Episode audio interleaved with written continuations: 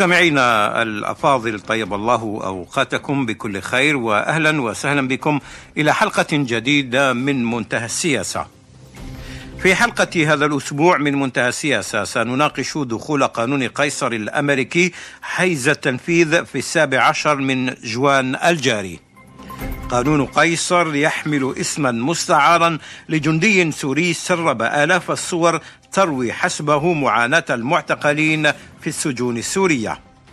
قانون قيصر الذي استغرق ست سنوات من النقاش بين الجمهوريين والديمقراطيين وقع عليه دونالد ترامب في ديسمبر الماضي. ويستهدف قانون قيصر معاقبة تسعة وثلاثين شخصا وكيانا مرتبطين بنظام بشار الأسد وهو مستعد لمعاقبة كل جهة مهما كانت. يثبت تعاملها مع الحكومة السورية. لمناقشة خلفيات وأبعاد وأهداف وتأثيرات قانون قيصر على سوريا شعبا ونظاما أرحب بالدكتور الباحث السياسي الذي لا علاقة للقبه بالقانون المذكور الدكتور مصطفى قيصر. والدكتور نور الدين بكيس محلل البرنامج وأستاذ علم الاجتماع السياسي بجامعة الجزائر. وعبر الهاتف معنا المحلل السياسي السوري عدنان بوش فمرحبا بكم مستمعينا الكرام إلى هذه الحلقة من منتهى السياسة. الدكتور مصطفى قيصر بداية كيف تقرأ هذا التوقيت الذي بدأ فيه تطبيق هذا القانون قانون قيصر يعني أكيد أن الأوضاع الآن مختلفة في سوريا وأيضا في الولايات المتحدة. ما هو سر اختيار هذا التاريخ لدخول قانون قيصر حيز التنفيذ؟ ما الذي تريده الولايات المتحدة في هذا الظرف بالذات؟ ونحن نعلم أن الملف السوري لم يعد أولوية لدى الإدارة الأمريكية منذ أشهر عديدة. بسم الله الرحمن الرحيم. أولا نريد أن نتكلم عن سوريا قبل قانوني أنا قانون القيصر وقوانين أخرى. والأفضل إني أنا أؤمم هذا القانون وأتبناه بطريقة أخرى بطريقة مخالفة. سوريا تعاني منذ تسع سنوات. عقوبات وميليشيات ودواعش و و و إلى آخر القصة، حرب مستمرة في سوريا استهدفت الحجر والبشر والشجر.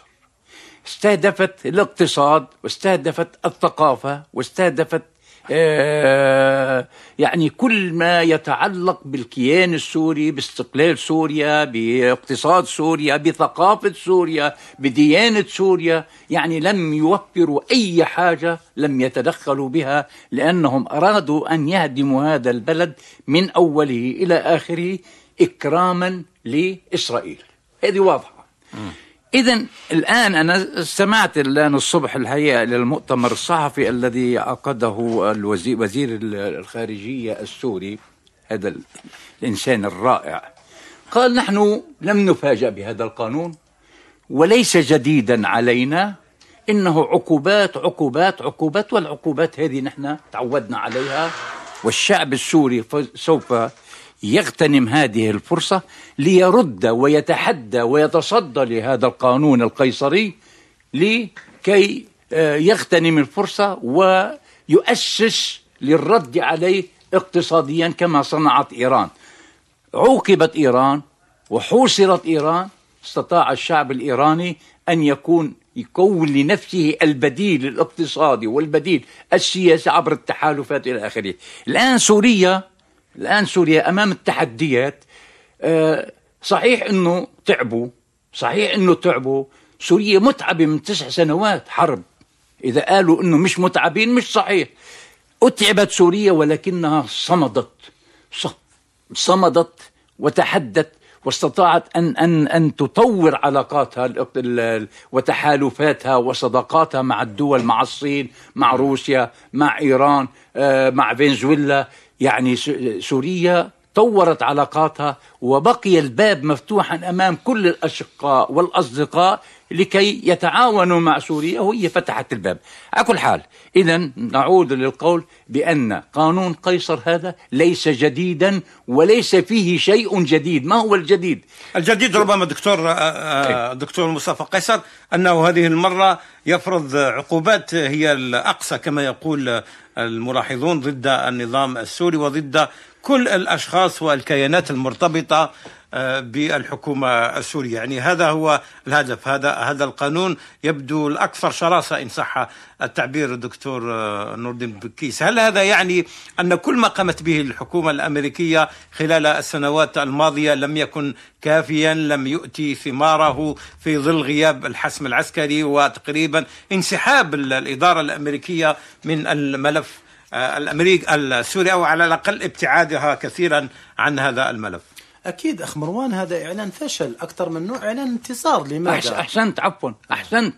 هذا تعبير عن فشل أمريكا. لماذا؟ تفضل تفضل. لأنه لأنه في آخر المطاف كل الأهداف الاستراتيجية السابقة للإدارة الأمريكية فشلت التي كانت تعتمد على السلاح كانت تعتمد على القوة العسكرية. أعتقد أنه هذا إعلان مبطن بالنسبة للولايات المتحدة الأمريكية على أساس أنها آه، أصبحت تستهدف تغيير سلوك النظام السوري وليس تغيير النظام السوري.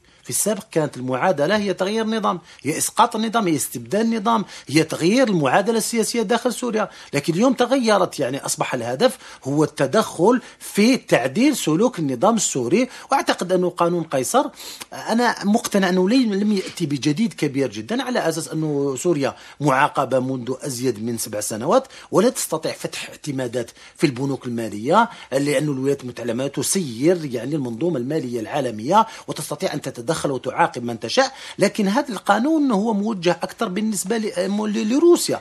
أكثر من أي طرف آخر لأنه إيران معاقبة إيران محاصرة وبالتالي الطرف الوحيد الذي يشتغل داخل سوريا خاصة في الجانب العسكري والجانب المتعلق بالبترول والغاز هو هو روسيا. وبالتالي الشركات الروسية هي المعنية والعنوان الآخر هو لا يمكن إعمار مستقبلا سوريا إعادة بناء سوريا بدون فيتو أمريكي. وهذا هو الري... هذه الرسالة الحقيقية لأنه بدأ الحديث عن فكرة إعادة إعمار سوريا أي بمعنى تدخل دول أجنبية برأس مالها للمشاركة في بناء سوريا مقابل استفادات وامتيازات. وهذا لن يقبل به الولا... لن تقبل به الولايات المتحدة الأمريكية بهذه البساطة لأنها فشلت عسكريا وأصبح اليوم واضح حتى في أفغانستان حتى في العراق في عدة مناطق فشلت عسكريا. لم يعد الأمر مطروح على مستوى الصدام التدافع العسكري وانتقل التدافع إلى التدافع الاقتصادي. والتدافع الاقتصادي هو سلاح ذو حدين لأنه في نفس الوقت يؤثر على الضحية لكن من جهة أخرى يدفع الضحية للمقاومة والمقاومة تعني إعادة إنتاج نفس المقاومة العسكرية التي شاهدنا من قبل. لم نكن نشهد أنه مثلا تنظيمات تنظيمات منفلتة ليست لها قيادات واضحة أو ليست رسمية تدخل في نزاعات مباشرة مع الجيش الأمريكي. كما حدث مع الحج الشعبي كما حدث مع حزب الله إلى آخره. كل الأطراف. اليوم تغير المعادلة وأصبحت لدينا طيب. فتح جبهة المقاومة الاقتصادية. طيب فكرة المقاومة الاقتصادية أعود إلى ضيفي عبر الهاتف الأستاذ عدنان بوش بعدما فقدنا الاتصال في بداية هذه الحلقة. هذا هذا القانون قانون قيصر كما قال الدكتور نور الدين بكيس هو إعلان فشل الولايات المتحدة بعد سنوات من فرضها عقوبات سابقة على النظام السوري. لكن هناك من يعتقد أن الإدارة الأمريكية تهدف من وراء قانون قيصر. آه، آه، إلى يكشف عفوا هذا القانون أن هناك ما لا تريده الولايات المتحدة لأنها أصلا لا تعرف ما تريد في في سوريا. هي لا تريد لإيران أن تحول سوريا إلى موطئ قدم لا أن لا تكون لحزب الله. الذراع الطولة في سوريا ألا تكون روسيا هي المهيمنة على القرار في سوريا ألا تسيطر داعش على سوريا؟ هذا ما لا تريده آه، الولايات المتحدة. وهذا القانون جاء من أجل هذا الغرض وليس من أجل آه، مثلا تغيير آه، النظام السياسي في سوريا. هل فعلا الإدارة الأمريكية فشلت أو أن هذا القانون هو إعلان فشل الإدارة الأمريكية في إدارتها للأزمة السورية؟ لا هو لازم نفهم أنه من بداية الأزمة في سوريا أن الأمريكان هم دخلوا في إدارة الأزمة وليس في إنهائها. ولو أراد الأمريكان أن ينهوا الأزمة في سوريا لأنهوها بتسليح بسيط مضاد للطيران أو بالسماح لمن آه، ساعد الجيش الحر أو القوى التي حاربت النظام لتحييد الطيران. لأنه لو تحيد الطيران في سوريا كان النظام مهزوم. يعني رغم أول تدخل صار من عصابات حزب الله وبعدها من الميليشيات الإيرانية الطائفية التي جاءت تحمل شعارات طائفية لثارات الحسين وزينب. وهنا أيد الأخ مصطفى عندما قال أن الميليشيات نعم حوالي ستين ألف من الميليشيات الإيرانية التي تحت تسميات آه، طائفية هي تعمل في سوريا بالإضافة إلى عصابات حزب الله بالإضافة إلى الحرس الثوري الإيراني بالإضافة إلى داعش والنصرة التي هي صنيعة النظام وصنيعة أجهزة مخابراتية ليس لها علاقة بالثورة بل قاتلت الثورة في الرقة وفي عدة أماكن. لا علينا أرجع للقانون.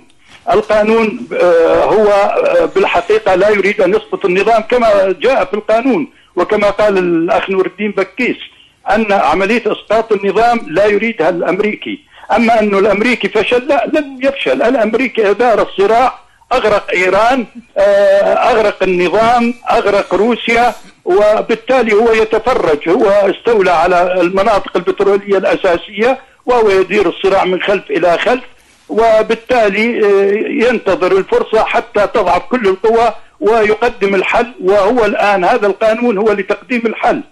ما بعد آه، بالنسبة للمقاومة كما ذكر الأخ قيصر وكما صرح السيد المعلم وزير خارجية النظام ماذا يقاوم؟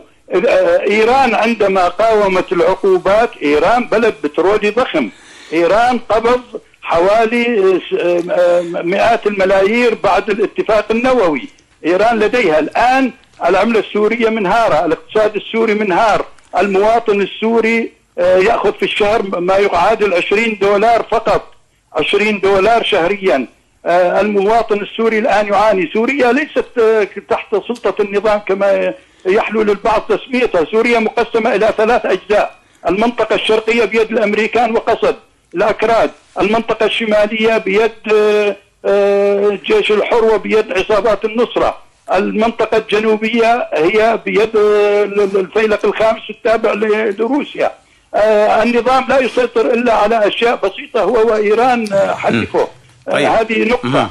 النقطة الثانية أن نحن بالنسبة لنا آه، لا نعول على الأمريكان ولا نعول على أي طرف.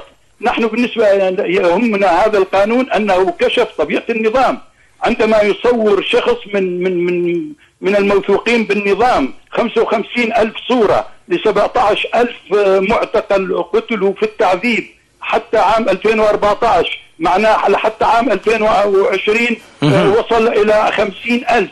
هذا يفضح ويعري النظام بأنه نظام طيب مجرم. نعم. نظام يقتل المعتقلين نظام يعذبهم بطريقة شيطانية. طيب. هذا هو الذي يهمنا دك دك نعم أستاذ عدنان أستاذ عدنان. تعويل لا على الأمريكان ولا على غيرهم. طيب أنت أشرت لا آسف على المقاطعة أستاذ عدنان.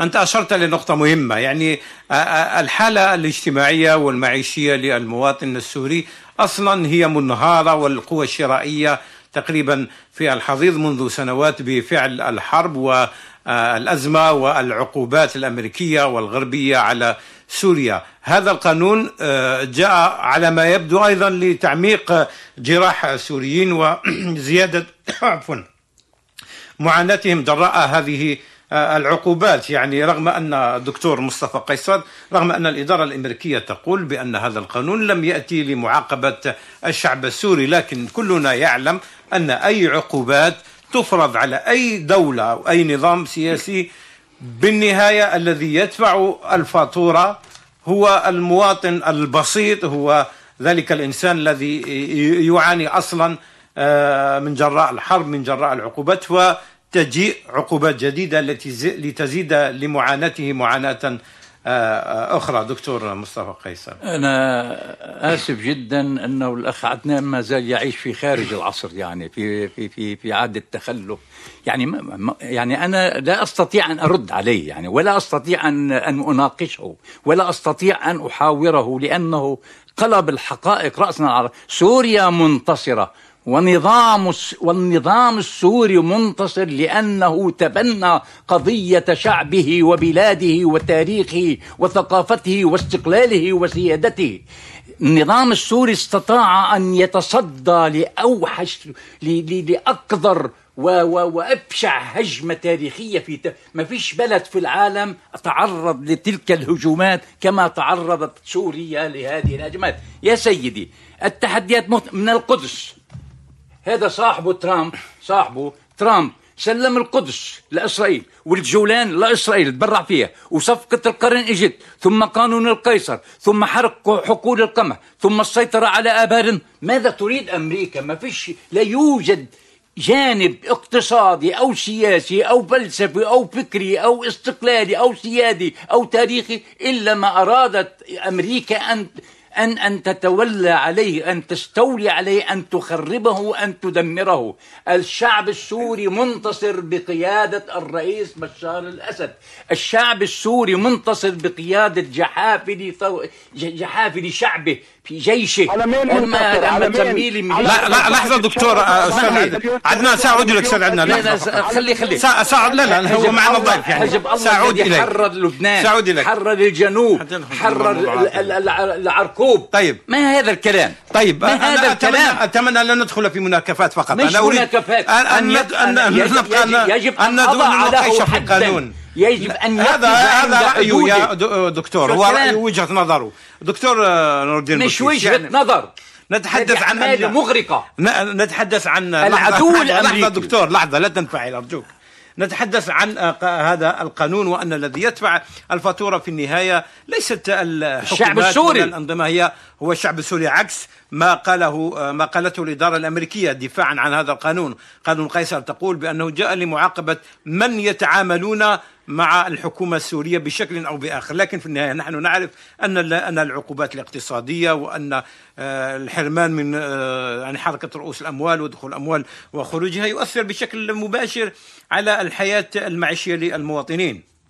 أخ مروان الشعوب تفاصيل فقط في ظل هذا الصراع. يعني للأسف الشديد انه هناك دائما عندما تبدأ الأحداث تبدأ بنيات صادقة ثم سرعان ما يسطو تسطو عليها. التنظيمات والمؤسسات والدول وتحولها إلى مشاريع من أجل تحقيق مصالح. اذا ليست هناك أطراف نظيفة في مثل هذه الحروب لأنه الجميع يصبح مضطرا لسلوك سلوكيات غير أخلاقية. اليوم نحن أمام انتقال صراع من صراع عسكري من مواجهات العسكرية وحتى فكرة أنه الولايات المتحدة الأمريكية لم تكن تقصد منذ الوهلة الأولى تغيير النظام أعتقد أنه كانت هناك أهداف أصلية تغيرت الأهداف الأصلية سقطت الأهداف الأصلية ودخلت الأهداف البديلة. الأهداف البديلة وفق استراتيجيات تخضع لنوع من المرونة في مع مراعاة الصراع. اليوم نحن أمام معاقبة للشعوب معاقبة للشعوب ونحن نعلم جيدا أن آه، معاقبة الشعوب لا تسقط الأنظمة.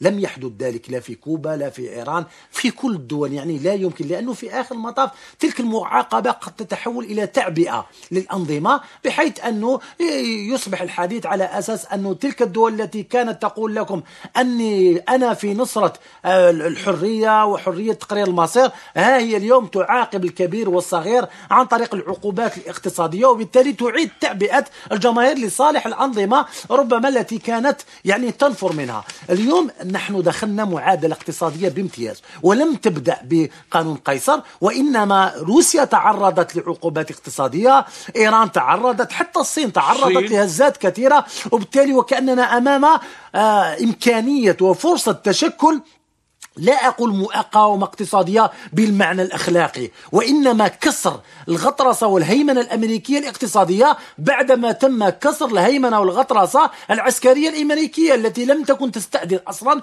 وكانت تدخل بجيوشها وتدمر وتفعل ما تشاء. لكن هذه المعادلة تغيرت لم يعد هناك ممكنا اليوم في أمريكا دفع تكلفة أي شكل من أشكال هذه الحروب التقليدية. لذلك اليوم يعني يتم التركيز على فكرة المعادلة الاقتصادية الاقتصاديه الحروب الاقتصاد الحروب الاقتصاد تقتضي الحل الوحيد للحروب الاقتصاد لمجابهه الولايات المتحده الأمريكية هو التمرد على الدولار الأمريكي لأنه لا يمكن مواجهة هذه الحروب آه، طالما أن هناك يعني التزام بالمنظومة المالية التي وضعتها الولايات المتحدة الأمريكية والدولار الأمريكي وبالتالي رأينا فكرة العودة إلى فكرة التبادل فكرة التعامل بالعمولات المحلية. هناك شيء يتغير الولايات المتحدة الأمريكية تعلم ذلك جيدا لكن ذهبت إلى هذا الخيار مكرهه عندما أذل كبرياؤها في العراق وفي سوريا وفي أفغانستان وفي الصومال وعدة واصبحت تعي جيدا أنها لا يمكن أن تراهن على الحروب المباشرة وحتى حرب المواكلة لم تعد مجدية لحد الآن وبالتالي دخلنا إلى معادلة أخرى. دون الاهتمام اطلاقا بما بتبعات ذلك على الشعوب لأنه لا أحد يكترث يكترث حتى التركي الذي كان ينادي بنصرة السوريين والشعب السوري أعتقد أنه تلاعب بالسوريين ويعني تاجر بدم السوريين لذلك لا يمكن الحديث عن أطراف نظيفة يمكن الحديث بعقلانية عن صراع اقتصادي عن إعادة تشكل منظومة عالمية طيب. اقتصادية جديدة بعدما كانت الهيمنة تامة نعم. لنأخذ هذه الفكرة للأستاذ عدنان بوش عبر الهاتف. أستاذ عدنان يعني في النهاية هذا هذا القانون آه، إنما يستهدف حلفاء سوريا وليس نظام بحد ذاته لأن الولايات المتحدة منذ زمن تخلت عن فكرة آه، تغيير آه، النظام هي الآن منشغلة بأولويات أخرى. ولا تريد أيضا أن يتغير الوضع في سوريا بما لا يخدم الأمن مثلا في في في إسرائيل المجاورة. هذا الكلام صحيح يعني. آه، أن الولايات المتحدة الأمريكية هي الآن تغير استراتيجيتها بمحاولة الضغط على الأنظمة وعلى القوى الداعمة للنظام السوري الذي ما زال يتغول في قتل شعبه. هذا هذا نحن متفقين عليه 100% ولكن مقارنة آه، مقارنة الوضع السوري بإيران وبروسيا وبالصين وبكوبا هذه مقارنة غير لأنه أولا سوريا الآن دولة منهارة. سوريا البنك المركزي فيها صفر. الذهب بيع كله. الملايير الدولارات اللي سرقتها عائلة الأسد وعائلة مخلوف وعائلة شاليش وحضانتهم الموجودة الآن في بنوك الإمارات وفي بنوك روسيا وفي عدة دول أخرى هربت من سوريا. سوريا بلد فارغ سوريا لا يملك شيء. هذه أولا. اثنين أن العقوبات آه، ليست ضد الشعب كما العقوبات تستثني الغذاء تستثني الدواء تستثني الحالات الإنسانية. بالتالي يعني آه، إذا هذا النظام يريد أن يعيش الشعب وعلى الأقل على الأقل يعني واحد على مية من اللي سرقوها هؤلاء بيجيبوا فيها غذاء ودواء وليس ممنوع الدخول آه، فيها. ولكن المشكل أن الشعب السوري أصلا لن يخسر شيء. يعني أنتم الآن لو تعرفوا أنا لا أتكلم عن عن عن الناس المعارضين ولا أتكلم. أنا أتكلم عن حاضره النظام في مناطق العلويين وأنا أتأسف أقول كلمة العلويين لأنهم أهلنا وأخوتنا ولكن محسوبين كحاضنه للنظام. هؤلاء يتضورون جوعا. اسمعوا الفيديوهات اللي نادوا فيها. شوفوا الحركات اللي التمردية اللي يقوموا بها ضد بشار الأسد وضد عصابته بأن هذا النظام أوصلهم إلى الإفلاس أوصلهم إلى الجوع أوصلهم إلى إلى بيع أولادهم وكلاهم وكبدهم. هذا هذا الشيء يعني هو الوضع. بالتالي الوضع لن يؤثر على المواطن السوري. المواطن السوري ما عنده بقى شيء يخسره. المواطن السوري تدمرت نص بيوته المواطن يزيد في معاناته يعني لنكن واقعيين إلى إلى حد ما. هذا الأمر سيزيد هذا القانون سيزيد في المأساة والمعاناة. الذي يخسر هو النظام ما الذي سيخسره هذا النظام؟ برأيك يعني؟ آه، التمرد اللي تم في السويداء واللي راح يتم آه، واللي تم في مناطق العلويين والحبل على الجرار أن النظام لم يعد له حاضنة ابدا في في سوريا وهذا هو طريق لكن لكن الواقع دكتور أستاذ عدنان بوش يقول ان أن النظام السوري أصبح بعيدا عن أي ضغوطات خارجية. نحن لسنا مع أي تدخل. لا إيراني ولا روسي ولا تركي ولا أمريكي ولا فرنسي ولا شيطاني. نحن ضد كل العصابات الشيعية اللي دخلت ضد عصابات النصرة وداعش اللي طيب. دخلت.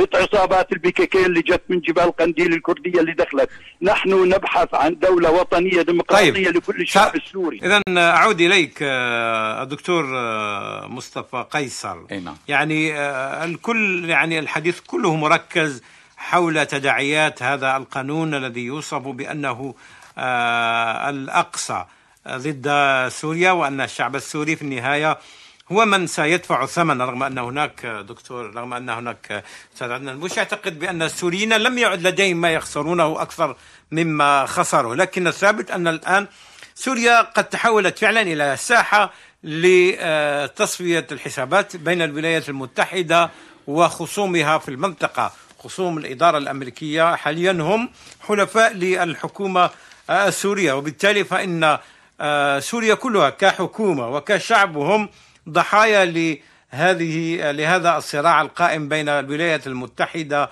وخصومها روسيا إيران آه، حزب الله وغيرها من القوى الأخرى التي تستهدفها الإدارة الأمريكية من وراء قانون قيصر. يعني بالنهاية آه، هذا القانون لن يخدم آه، لا الشعب السوري ولن يضر بحكومة بشار الأسد. أساسا. ال- القول بأن أمريكا تراجعت عن رغبتها في إسقاط النظام هذه غير صحيحة.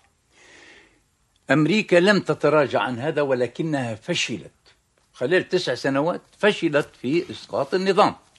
ثانيا أحاطت طوقت سوريا بعقوبات طيب إذا كان بعقوبات وعلاقات وممنوع فلان يتعامل مع سوريا ممنوع الدولة الفلانية تتعامل مع سوريا طيب إذا طلبنا أدوية لمواجهة الكورونا. هل تسمح لنا أمريكا؟ هل قانون القيصر يسمح لنا بأن نستورد قمح اللي حرقوه بالحقول؟ هل تسمح لنا باستيراد آه، معامل مصانع تصدير النفط أبار النفط؟ احتلتها أمريكا بسوريا هذا دخل- له دخل بالنظام.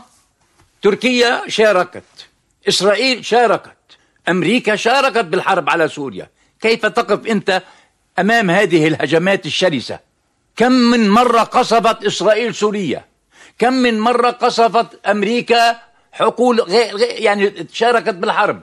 كم من, مرة تركيا شاركت ثلاث دول شاركوا بالحرب على سوريا دواعش النصرة الجيش الحر يعني يعني جندوا تسعين ألف مقاتل مرتزقة. مين مولهم؟ أنا؟ مين مولهم؟ مين ضرب الاقتصاد السوري؟ مين اللي ضرب الزراعة السورية؟ مين اللي ضرب العلاقات الاقتصادية السورية مع الخارج؟ نعم قالها اليوم ال- الوزير ال- الخارجية نحن تعبانين صحيح ولكننا لن نستسلم. سوف نصمد ونتحدى وهذا لسان حال النظام السوري والشعب السوري. انت عن مين عم تتكلم؟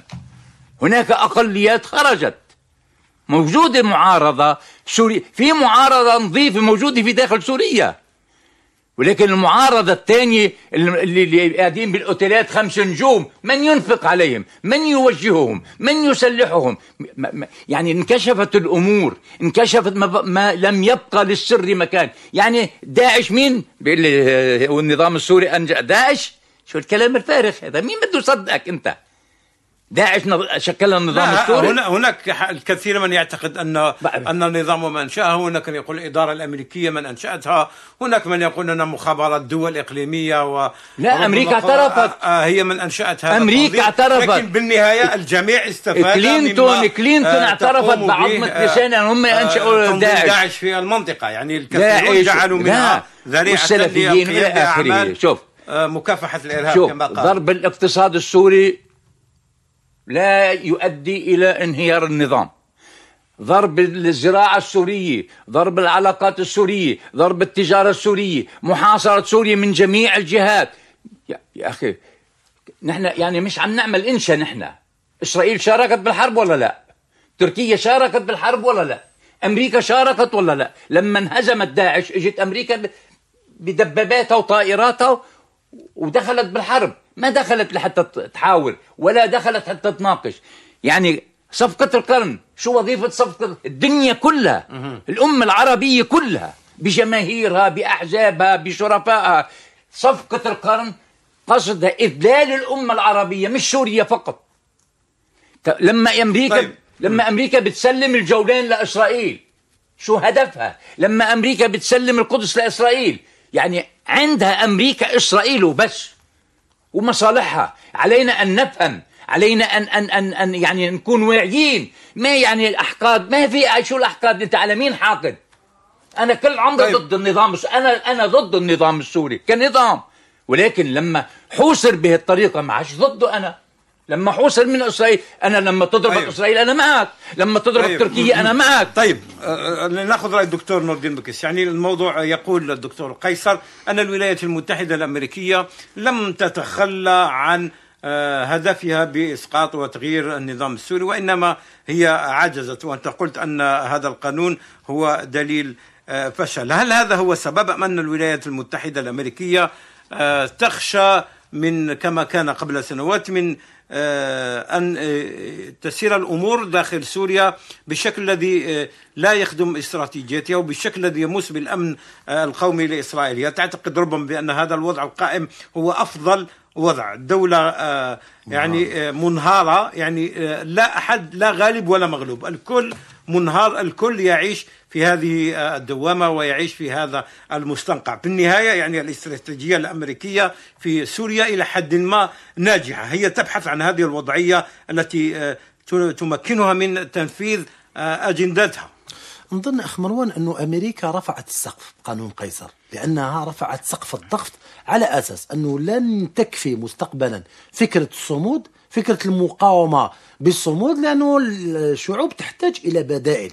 اليوم مثلا بمجرد آه، الحديث عن قانون قيصر حدثت أزمة في لبنان أزمة انهيار الليره اللبنانيه لأنه غالبيه السوريين من خارج الوطن يحولون مدخراتهم ويتعاملون مع البنوك البنوك اللبنانيه وعندما استشعروا فكرة ال- ال- ال- المنع فكرة المنع والمعاقبة. الكثير من السوريين سحبوا دولاراتهم من لبنان وحدثت ندرة في الدولارات. وبالتالي وش يصبح جزء من اللبنانيين يطالبون بوقف التعامل مع سوريا ويصبح الحديث حول ضرورة غلق الحدود وتجريم العلاقات التي يقيمها حزب الله. وبالتالي وكانوا يرتفع السقف. يصبح المشروع يبحث عن تعطيل العلاقات التي تشكل متنفس مع الآخر سواء كان لبنان أو إيران إلى آخره أو حتى روسيا وبالتالي يحدث مشكل مهم جدا وهو لا يمكن البقاء في مستوى الصمود لأن الشعوب سوف تدفع الثمن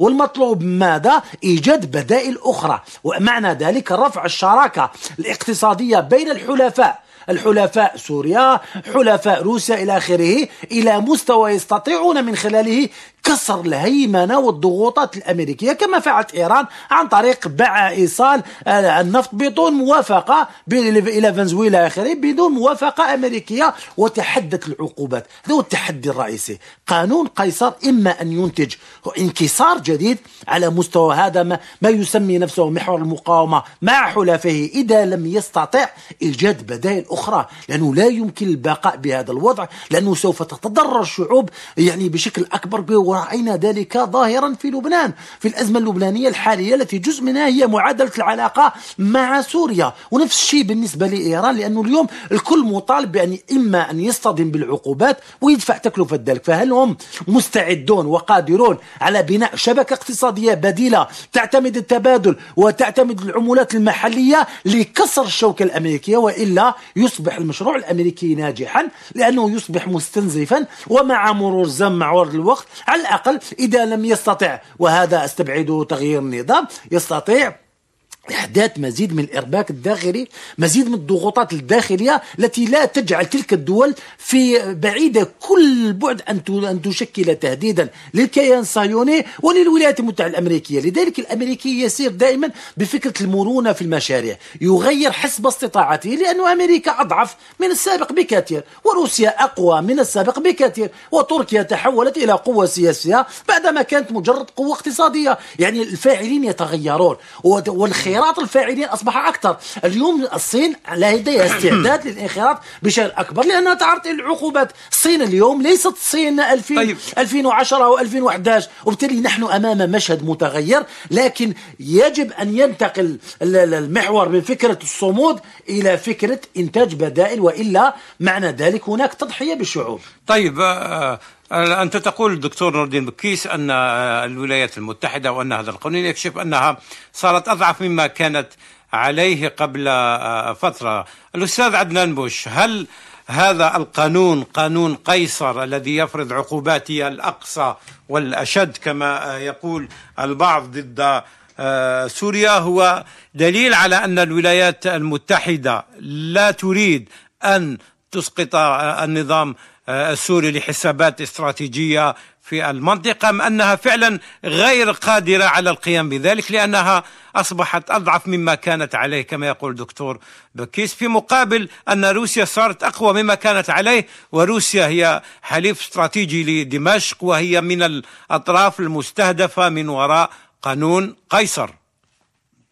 شوف اولا يعني أمريكا تعرف أنه إسرائيل ليس لها مصلحة بإسقاط النظام وبالتالي السياسة الأمريكية تتماهى مع السياسة الإسرائيلية ومئات التصريحات من قبل مسؤولين بالنظام آه، ومن قبل الإسرائيليين بأن الاثنين حريصين على بقاء بعضهم وعلى الارتباط مع بعض لأنه الهدوء اللي سود الجبهة السورية الإسرائيلية من خمسين سنة ريح إسرائيل وتركت جولان تتهود تدريجيا دون أن آه، يطلق عليها أي رصاصة. هذا نحطه على طرف. القضية الثانية لا أنا أظن أن روسيا أصبحت أضعف مما كانت عليه لأن روسيا غريقة.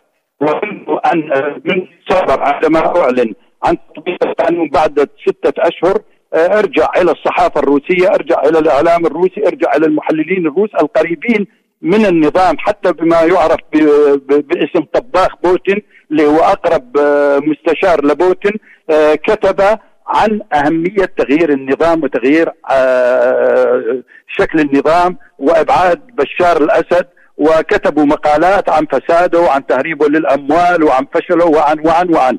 بالتالي روسيا تعرف أنه لا يمكن أن يتم استقرار حقيقي في سوريا إلا بتوحيدها وإلا بإعادة إعمارها. إعادة الإعمار روسيا وإيران لا يدفعوا فلوس.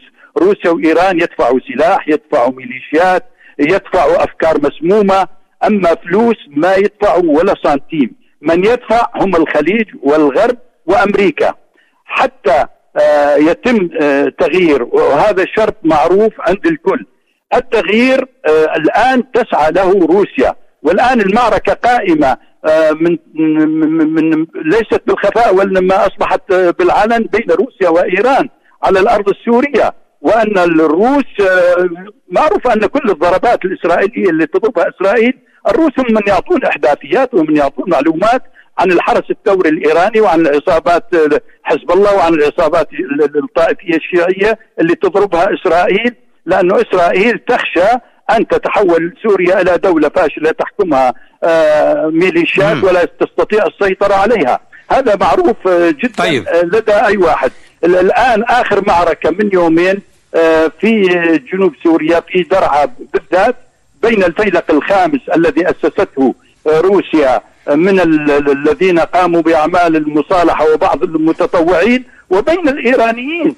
وبالتالي المعركة الآن أصبحت مكشوفة بين روسيا طيب هذا ليس جديدا يعني للأسف شديد سوريا تحولت منذ سنوات إلى ساحة اقتتال بين مختلف الأطراف. وقانون قيصر هذا جاء يستهدف هذه الأطراف. يعني كل طرف يحاول أن يلوي ذراع الطرف الآخر سواء اقتصاديا أو عسكريا لأن الولايات المتحدة لم تعد تخوض حروبا آه، عسكرية على الأرض وإنما تستعمل أدوات أخرى من بينها هذه الأدوات أدوات الاقتصادية والعقوبات الاقتصادية. أرجو أن تبقى معي دكتور آه، عدنان بوش سأعود إليك. الدكتور مصطفى قيصر الآن يعني آه، بالنهاية آه، الإدارة الأمريكية آه، هي لا تريد ولا ولا نقول أنها لا تستطيع هي لا تريد أن تضر ب النظام السوري كما يقول عدنان بوش لأن الوضع الحالي يخدمها ويخدم أيضا إسرائيل. طيب يعني معلش أنا الأخ عدنان صديق يعني ولكن طبعا أختلف معه اختلاف جد طبيعي يعني هذا أمر طبيعي. في عندي عناوين في تحالفات باليمن تقودها أمريكا من ست سنوات. في تحالفات بسوريا تقودها أمريكا وإجت بنفسها أمريكا لتقودها طيب بالنسبة لإسرائيل وفي تحالفات بليبيا. الحروب شنت على الوطن العربي من غربه إلى شرقه إلى الشرق لكن. أمريكا تقود من علينا أن- الخلف يعني لا بس لا علينا أن نفكر نحن في بلادنا بشعوبنا هي لا تدفع اموالا ولا ترسل جنودا لماذا؟ لماذا؟ لا علينا أن نفكر حرب في ليبيا، حرب في اليمن، حرب بسوريا، والعراق مرشح أن يكون في حرب، من الذي يقود هذه الفتن؟ من الذي يقود هذه المؤامرات؟ خلينا عم بيقولوا إنه إسرائيل ما لهاش مصلحة انه يسقط النظام، لا يخدمها يعني صراحة معلش معلش معلش معلش يكون مثل ما بده ولكن إسرائيل دائما عم تضرب سوريا صح ولا لا؟ عم تضربها عم ت... مين الجرحى اللي راحوا تعالجوا بإسرائيل؟ يعني ليش ليش نحن بدنا نخبي راسنا بالرمل؟ ال ال ال الميليشيات اللي عم نتكلم عنها الموجودة بسوريا اللي هي تسعين ألف ومئة ألف تجندوا من جميع أنحاء العالم ونحن بنعرف منين راحوا ومنين سافروا ومنين إجوا التوانسي اللي راحوا من تونس رجعوا على تونس واللي راحوا عن, عن طريق تركيا رجعوا من تركيا. يا أخي طيب تركيا الآن ش- مشاركة والله لا؟ مشاركة بالحرب بسوريا علينا أن نكون عقلانيين علينا أن نكون وطنيين علينا أن نكون منطقيين حتى ندافع عن بلدنا مش عم ندافع عن النظام السوري. النظام السوري بشار الأسد خاضع لإرادة الشعب السوري. يا أخي بس يصير نظام بسوريا وانتخابات الشعب إذا بدوش بشار الأسد بيمشي بشار الأسد هذه حقيقة يعني. يا أخي نحن الآن في ظروف صعبة. طيب هذا قانون القيصر شو؟ يعني كان هو الشعرة التي قسمت ظهر الب- البعير. هو القطرة التي أفاضت يعني يعني كل الاستثناءات اللي كانت بصفقة القرن استدركوها بقانون القيصر. يعني أرادوا أن يخنقوا سوريا أن يمنعوا الشعب السوري أن يتنفس. الشعب السوري يريد طيب. أن يتنفس. الأمة العربية تريد أن تتنفس. ال- ال- الشعب الليبي يريد طيب. أن يتنفس. نعم. يعني دعونا دعونا نحن نغير أنظمتنا. دعونا نحن ننتخب قادتنا. دعونا ننتخب آه، زعمائنا. بكفي خلينا نكون عندنا نظرة عقلانية نعالج قضايانا ونعرف مين عدوك. اعرف مين عدوك ومين صديقك. آه، دكتور نور الدين بكيس يعني في سؤال أخير إذا تحدثنا عن قانون آه، قيصر. هناك من يعتقد بأن آه، بأن سوريا تراجعت في اهتمامات آه، السلم الأمريكي يعني للدول مثل لبنان الأردن فلسطين العراق. ربما هي أكثر أهمية آه، بالنسبة للإدارة الأمريكية منها لسوريا. بالتالي نتساءل عن تأثيرات هذا القانون على دول الجوار. هناك ترابط يعني خاصة بين لبنان وسوريا وحتى الأردن. ما حجم آه، تأثيرات آه، السلبية لهذا القانون على دول الجوار. الأكيد أنه إبقاء العلاقة الاقتصادية والتبادلية مع سوريا سوف تكون لها تكلفة أكبر بكثير.